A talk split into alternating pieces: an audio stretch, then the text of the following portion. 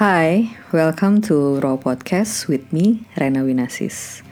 Episode ketiga kita kali ini akan membahas tentang breaking new ground. Apa sih maksudnya? Seperti biasa, saya akan resumekan itu di akhir ya teman-teman. Sebelum saya mulai, saya kasih tahu dulu, it's another pieces dari Andrew Matthews. The book itself called Follow Your Heart. Kita akan bahas tentang uh, pernah nggak sih kita menemukan di satu momen dalam hidup kita, kita meng mengeluarkan statement seperti ini. Oke, okay, saya bisa deh ini, itu, ini, itu, tapi nggak yang satu itu. Apa sih maksudnya? Saya kasih contoh mungkin beberapa momen dalam hidup saya maupun orang-orang yang pernah berinteraksi dengan saya uh, mengeluarkan statement tersebut. Uh, contoh pertama, saya inget banget uh, pertama kalinya we had a family trip adalah ke ujung kulon. One day, uh, my father took us untuk snorkeling around the Gunung Krakatau kecil yang masih aktif ya. Dan seperti kita tahu, biasanya di daerah-daerah yang seperti itu terumbu karangnya underneath the sea itu biasanya bagus banget. Pada saat sudah waktunya loncat dari perahu, saya sudah mengenakan face.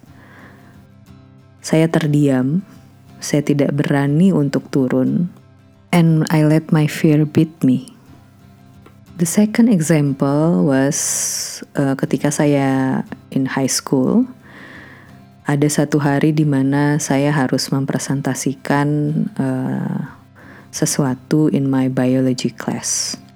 For me, that time it was a horrible experience. My voice was shaking.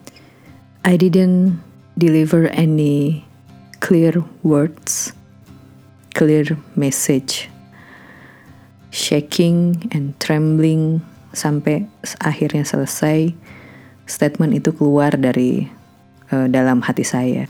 Aduh, saya mendingan uh, guru saya nyuruh saya 10 kali lari di lapangan dikasih waktu 30 menit deh daripada disuruh ngomong di depan kelas. Another example, I know it's a silly one, uh, intermezzo sedikit ya. Ketika saya ketemu orang baru, ada kadang kita berbicara tentang eh lu suka makan apa? Uh, jawaban saya selalu sama. Uh, I'm not a picky eater. I can eat everything you serve me, but I cannot have any boiled egg in it. And my friend face was, what? Really? The next example mungkin saya ambil dari relationship ya. Misalnya relationship dengan keluarga.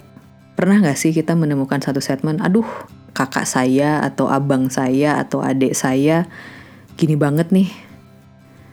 Aduh jangan sampai dia Z aja. Saya udah gak bisa terima pasti. Beberapa contoh di relationship ya. Misalnya pada saat kita pendekatan dengan orang baru yang mungkin with certain goal, atau pada saat kita sedang berpacaran atau pada saat kita menikah dan ternyata kita menemukan si Z itu yang kita secara prinsip tidak bisa terima. Saya masih bisa terima dia pakai sendal jepit deh ke mana-mana as long dia nggak bicara kasar. Saya masih bisa terima dia berbicara kasar deh as long dia tidak physically abuse and so on. Yang bikin akhirnya di satu titik oke okay, that's it. Kita udah nggak bisa lagi.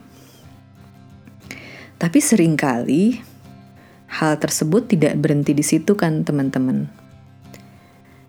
Uh, perlu waktu atau bahkan bukan perlu waktu ya bahkan rasa marah itu tidak pernah hilang dari kita. Harapan saya sih waktu yang dibutuhkan tidak selama itu. Kenapa? Saatnya kita mengambil benang merah dari beberapa example yang saya coba share ke teman-teman ya. Jika saja saya berani untuk loncat dari boat atau bilang ke ayah saya, uh, "Pa, I'm afraid. Can you just hold me first and then let me go uh, in a step by step?" Mungkin by the time uh, saya having a blast of my life with him yang which is sekarang tuh pasti susah banget untuk saya dapat.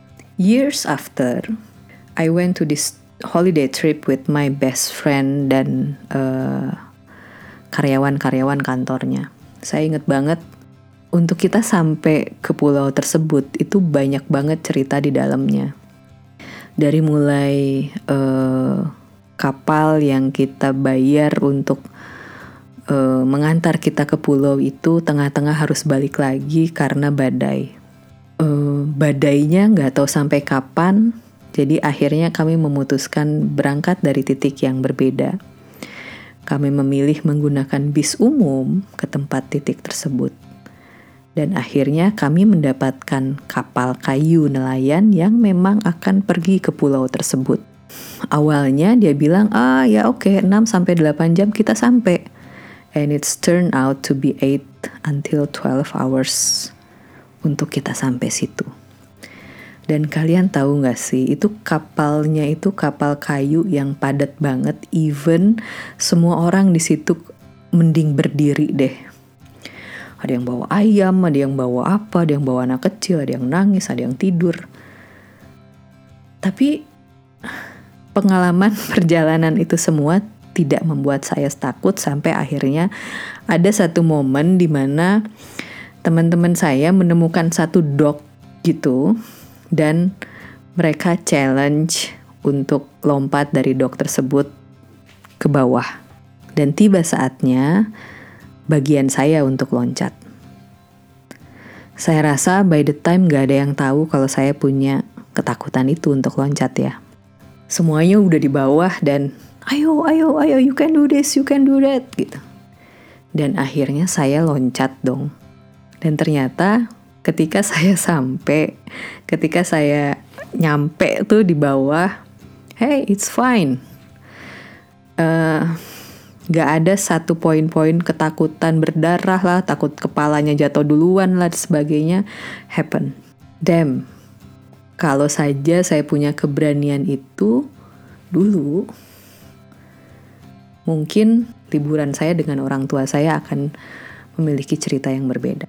At least I learn, at least in time I face my fear and transform menjadi orang yang sedikit lebih berani untuk bisa loncat dari satu dok ke laut and I grow as a person. Itu contoh pertama. Contoh kedua, ketakutan public speaking ya. And one day, my best friend ajak saya untuk, eh, kita ikut uh, kursus broadcaster yuk. Pada saat kita sedang libur ya. Ya, saya mikir ya, oke, okay, oke okay lah kita ikut aja. Dan the three of us apply for the course. Itu was a month course dan ditutup dengan siaran di radio. Tapi yang saya pelajari di situ bukan hanya tentang how to be a broadcaster, tapi juga gimana caranya ngomong, gimana caranya bikin skrip. Uh, bukan hanya ngomong di balik layar, tapi gimana caranya ngomong di depan publik. Dan dari situ saya mendapatkan teman-teman baru, bahkan beberapa mentor saya pun menjadi teman saya. Dan mereka bilang, suara kamu tuh bagusnya jadi pembaca berita a news anchor. Oke, okay, it's great. Thanks guys. Uh, dan ternyata pilihan saya untuk mengambil kursus itu let me seamlessly uh, melakukan banyak hal di pekerjaan saya yang terkait dengan komunikasi, terkait dengan uh, edukasi, terkait dengan berbicara di depan publik, terkait dengan problem solving. So, perlu waktu untuk saya akhirnya menghadapi ketakutan saya.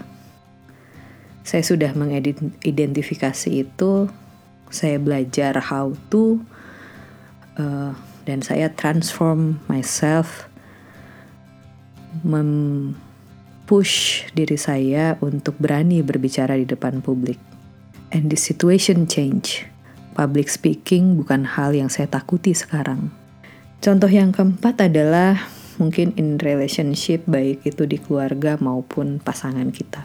Tadi kita bicara tentang blaming. Di buku ini dibilang pada saat kita masih blaming means kita belum belajar. Dan yang menentukan kapan kita mau belajar itu adalah diri kita sendiri. Tapi yang harus kita sama-sama tahu, mungkin beberapa teman-teman yang suka baca quotes atau apa tahu banget nih, ada yang nulis gini, uh, situasi tidak akan berubah kalau kitanya nggak berubah. Saya akan hidup dengan ketakutan jika saya tidak melakukan atau tidak belajar tentang ketakutan saya dan how to deal with it. Belajar belum tentu merubah situasi kalau kita tidak act on it. Pada saat kita act on it, we transform ourselves pada saat itu terjadi, situasi berubah. Breaking new grounds mean you let yourself transform and change the situation. Buat apa? Once we learn, we transform, we grow as a person. Dan itu adalah a key to our happiness. Rena Winasis signing out. Selamat malam.